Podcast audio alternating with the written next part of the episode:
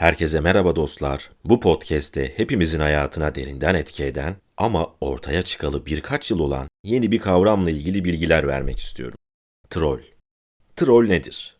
Son zamanlarda bazı siyasi grupların inanılmaz bir troll gücüne sahip olduğunu görüyorum. Hem de acımasız ve yalan dolu bir troll gücü. Özellikle ülkemizdeki hakim ideolojinin bunu kullanıyor olması da işin acı tarafı. Troll anlam olarak aslında bir çeşit balık ağı demek. Ama yeni anlamı internette insanların keyfini kaçırmak ya da münakaşa başlatmak için tohum ekmeye çalışan kişi demek. Bir nevi provokatör diyebiliriz ama tam olarak karşılamıyor bunu. Trollün esas amacı internette münakaşa başlatıp insanların keyfini kaçırmak, tartışma yaratmak, savunduğu grubu yalanla da dolanla da olsa haklı çıkarmaya çalışmak ve karşıt insanları da her türlü yolla kötü göstermeye çalışmak. Türkiye'deki troll sayısı inanın ki Amerika'da yoktur. Ki zaten Amerikan sosyal medyasında kayda değer troll de yok. Genellikle ikinci sınıf ülkeler, Rusya, Suudi Arabistan gibi yöneticilerinin sadece ben, ben dediği ülkelerde bunu görüyoruz. Trollün diğer bir amacı da sosyal linç. Sahip güçler hedef gösterir ve troll ordusu çeşitli iftiralarla ya da çok küçük alakasız detaylarla bir anda tüm sosyal medyada linç ya da karalama hareketi başlatır. Trollün amacı bir şeyi kanıtlamak ya da savunmak değildir. Amaç sadece algı oluşturmak ve tuzağa düşürmektir. Bunlar en aşağılık insan sınıfıdır dostlar. Ne değerleri var, ne saygıları ne de insanlıkları.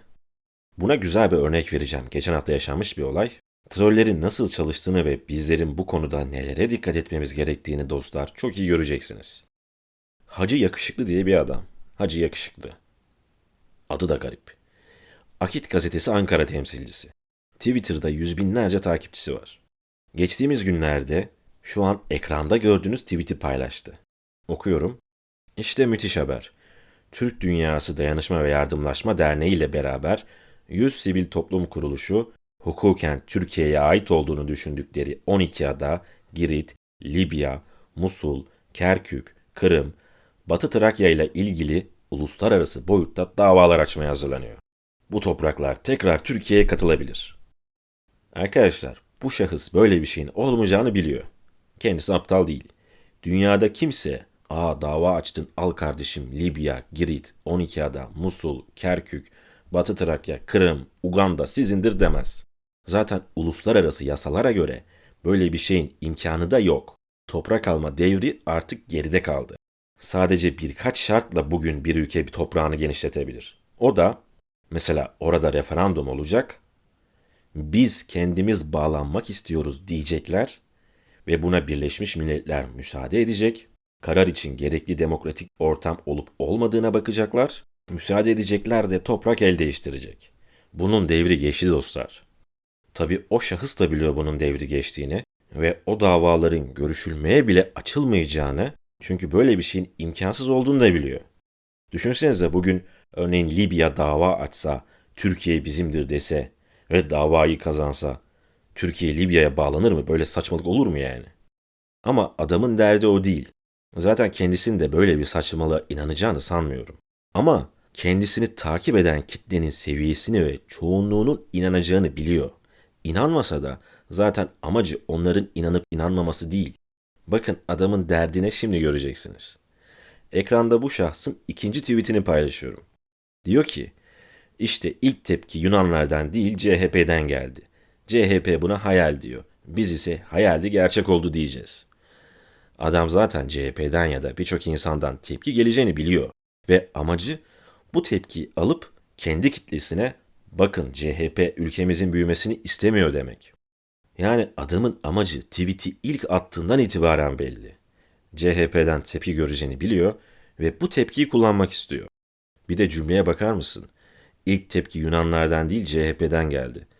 Ulan Yunanlar niye senin bu saçmalığını kale alsın? Senin saçmalığını ancak biz kale alırız. Onu da gülmek için yaparız.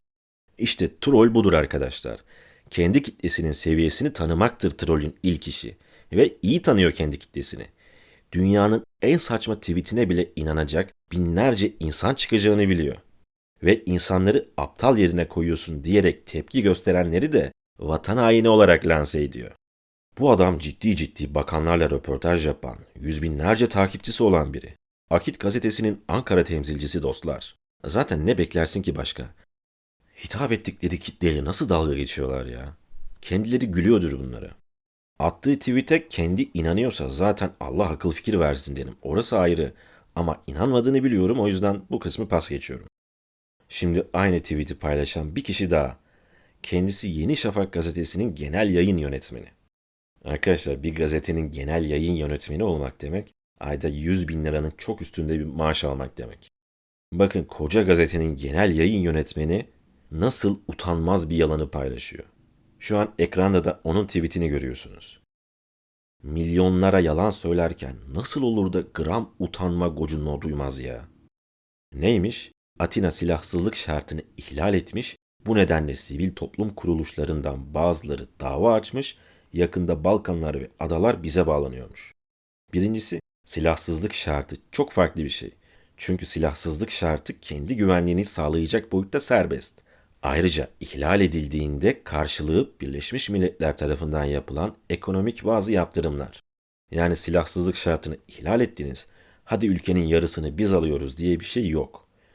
Ama adamların amacı zaten CHP Türkiye'nin büyümesini istemiyor demek. Bu yüzden de böyle bir tepki almak, tepki beklemek karşıdan. Podcast'in başında trollün anlamını okumuştuk. Ne demiştik? İnternette insanların keyfini kaçırmak ya da münakaşa başlatmak için tohum ekmeye çalışan kişi demiştik. Tam olarak yaptıkları da bu.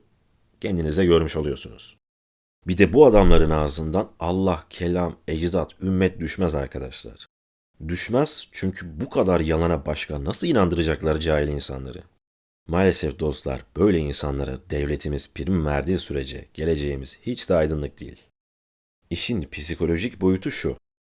Eskiden çok vardı yaka mikrofonuyla birileri Anadolu'yu gezer, her türlü yemekten 50 çeşit yer, yolda birilerini çevirir, abuk sabuk konulardan sorular sorar.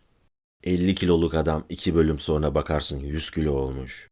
Bu tip kişilerin sorduğu sorulara, tavırlarına, konuştukları konulara dikkat ettiyseniz tamamen cahil cühela muhabbeti, yavan yavan, hiç gülünmeyecek espriler, ukela ukela hareketler, yani ne bileyim en alt seviyede kurulan bir iletişim olduğunu görmüşsünüzdür. Ama tutuyordu. Nasıl tutuyordu?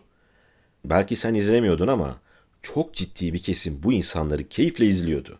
Çünkü bu izleyici kitlesinin anlayabileceği iletişim kalitesi bu. Şimdi sen gidip o izleyicilere Hegel'in ekonomi üzerine düşüncelerinden bahsetsen anlar mı? Anlamaz. O yüzden hitap edeceği kitleyi tanıyıp tavırlarını ona göre sergiliyorlardı. Düşünün ki siz şu anda çok olaylı bir mahalleye, suçun çok üst seviyede olduğu bir mahalleye gidip çok kibar konuşarak derdinizi anlatmaya çalışırsanız sizi hor görürler. Hatta sizi güvenilmez bulurlar. Onları küçümsediğinizi düşünürler. Çünkü onlar o kaba üsluba ve atarlı giderli konuşmaya alışkınlar ve senden bekledikleri de bu. O mahallede bu tavrın dışında bir tavır sergilersen dışlanır, hatta hor görülürsünüz. Tam tersi olarak çok elit bir mahallede de atarlı giderli üsluba sahipsen dışlanırsın. Çünkü buradaki insanlar daha eğlenceli biri olmanızı bekleyecektir. Bu gazetelerin ya da gazetecilik yapan trollerin de yaptığı tam olarak bu. Hitap ettiği kitleyi iyi tanıyıp onların seviyesinde paylaşımda bulunmak. Bir şeyi açıklamalarına, delil vermelerine de gerek yok. Zaten kitle bunu beklemiyor. O kitlenin tek beklediği biraz dinden, biraz ecdattan bahsetmek. Onlar için sözün güvenilirliğindeki delil bu. Başka hiçbir şey değil. Bu nedenle sürekli FETÖ'ler, çiftlik banklar ya da böyle troller tarafından kullanılıp duruyorlar. Ama ceremesini nüfusun onlara kıyasla daha az bir kesimi olarak biz çekiyoruz. Mesela Türk lirası dolar karşısında 7 lirayı geçtiği gün NTV'de bir haber. Haberde diyordu ki, Türk lirasına Londra merkezli saldırılar devam ediyor. Şimdi buna birçok insan inanır. Çünkü adam doların neden yükseldiğini bilmiyor. Ekonomik değerlerin neye dayalı olarak şekillendiğini bilmeyen adam buna doğal olarak inanır. Adam zaten doların neden yükseldiğini, nedenini bilmiyor ve sen ona bir neden sunuyorsun. Yani adamın elindeki tek cevap bu. Şimdi dersen ki ya işte üretim olmadığı için ihracat yapamıyoruz. Bu nedenle ülkeye giren döviz az olunca da az olanın değeri yüksek olur. Ayrıca Merkez Bankası para basınca da bizdeki TL çoğalır, çok olanın da değeri az olur. E ülkeye güven olmadığı için dış yatırımcı da yatırım yapmıyor. Tabi bu sadece bir neden. Ama bunun hiçbir şekilde dış mihrak saldırılarıyla alakası yok desen adam bakar, sadece bakar. Ama ne dediğini anlamaz. Aksine senin yalancı olduğunu düşünür. Ama unutmayın arkadaşlar. Bizi halkı aptal yerine koyan bu haberleri yapan NTV gibi kanalları unutmayın. Çünkü yaptıkları şey vatana ihanettir.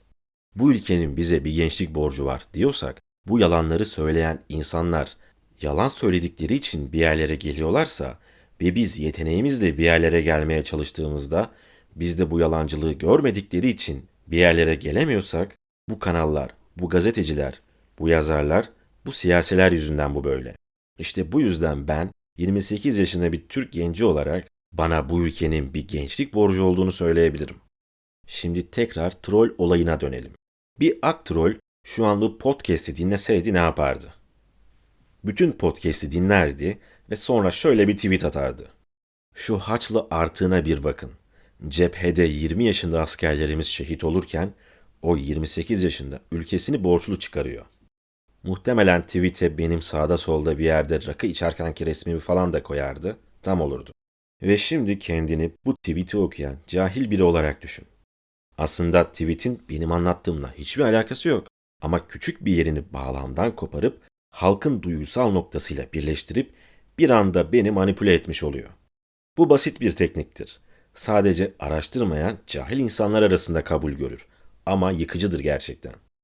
Bu tarz bir duruma düşerseniz, yani bir aktrol tarafından hakkınızda böyle bir paylaşım yapılır ya da günlük hayatınızda bir arkadaşınız sizin söyleminizi bağlamından koparıp sizi kötülemeye çalışırsa asla açıklama yapmaya çalışmayın. Çünkü açıklamanız durumu kabullenip cevap arıyormuşsunuz izlenim uyandıracaktır. Yapmanız gereken tek şey gülmek, ciddiye almadığınızı göstermek ve iki ya da üç kelimeyle sen olayı anlamamışsın, boş ver babında bir şey deyip geçmek. Aksi halde debelenir durursunuz. Bir de benim anlamadığım başka bir şey var. Bu tip insanlar inanılmaz gösteriş meraklısı oluyorlar. Bu da kendini kabul ettirmenin, ben de varım, bakın param var, ben de insanım demenin bir yöntemi. Hayatımda bir kere bir uçakta business class'a bindim. O da mecburen oldu. Hiç yer yoktu ve yetişmem gereken önemli bir işim vardı. Nasıl tipler olacak falan diye beklerken baktım hepsi arkadakiler gibi normal insanlar. Mecbur kalıp almışlar ama arada böyle tek tük halkın arasına karışmam ben diyen tipler de vardı. Bir de bir aile var 5 kişilik. Anne baba ve 3 çocuk. Ama böyle tiplerden belli ki bunlar son dönemin yeni zenginleri. Hani bir siyasi partinin uzantısından para kazanan tipler olur ya onlar. Kadın türbanlı, neredeyse adam da türbanlı. Biraz daha zorlası olacak yani. Tamam türbanlı olabilir bu normal, özgür bir giyim tarzı ama bir de ben buyum diyerek giyinmek var. Yol 45 dakika. Aile 5 porsiyon Adana kebap falan söyledi. Üstüne tatlılar, matlılar. E zaten uçağın ikramları oluyor. Onları da çoktan gömdüler. Artık çocuklar da isyan ediyor. Yemeyecekler yani. Ama sipariş üstüne sipariş vermeye devam ediyorlar. Buradaki durum zaten şu. Yiyeceklerinden de değil. Bakın biz normalden 3 kat küçük bir Adana kebaba normalden 5 kat fazla para verebilen, her istediğini yiyebilen, para sıkıntısı olmayan bu uçaktaki en zengin tipleriz demenin boğaz yoluyla yapılan versiyonu. İlginç ve garip tipler arkadaşlar. Bu olay Araplarda bile yoktur yani. Bu bu bizde çıktı. Bu tip dünya insanlığına yani bu karakter insanlık tarihine bizim katkımızdır. Toplum olarak bizim hediyemizdir arkadaşlar. Öyle yani dostlar. Bu arada katıl butonunu kaldırdım. Premium üyeliği kapattım. Nedenini de hemen söyleyeyim. Ee, çok fazla vaktim olmadığı için oraya içerik pek fazla üretemedim. Kimsenin de parası boşa gitsin istemediğim için katıl butonunu kapattım. Ee, premium üyelerin geçtiğimiz ay yaptıkları ödemeler zaten otomatik olarak onlara geri yatırılacak. Bana destek olmak isteyip bana güvenip bugüne kadar katıl butonuna basan arkadaşlara teşekkür ediyorum. Basmayanlara teşekkür ediyorum. Biliyorsunuz ki orada zaten çok fazla içerik olamayacağını söylemiştim ama en azından kendi aramızda bazı şeyleri konuşabiliriz. Burada paylaşamadığım şeyleri orada paylaşabilirim diye düşünmüştüm. Vakitsizlikten olmadı. Yapacak bir şey yok. Artık her şeyimi kanalın ana merkezine yani buraya yönlendireceğim. Ayrıca Efe Aydal'la beraber bir network kurduk. Kirli 12, Kirli 12 diye bir şey. Bizim gibi düşüncelere sahip olan YouTuber'ları tanıtıp geliştirmek istiyoruz dostlar. Bu nedenle video açıklamasında bir liste paylaştım. Hepsi bizle yakın fikirlerde olan YouTuber'lar. Oradan bakabilirsiniz. Kafanıza esen, içerikleri hoşunuza giden olursa abone olursunuz ya da olmazsınız. Sizin bileceğiniz şey. Ama beni Instagram'dan takip etmeyi unutmayın. Çünkü burada bugün varız, yarın yokuz. Ne olacağı hiç belli değil. En azından toplandığımız bir platform olsun.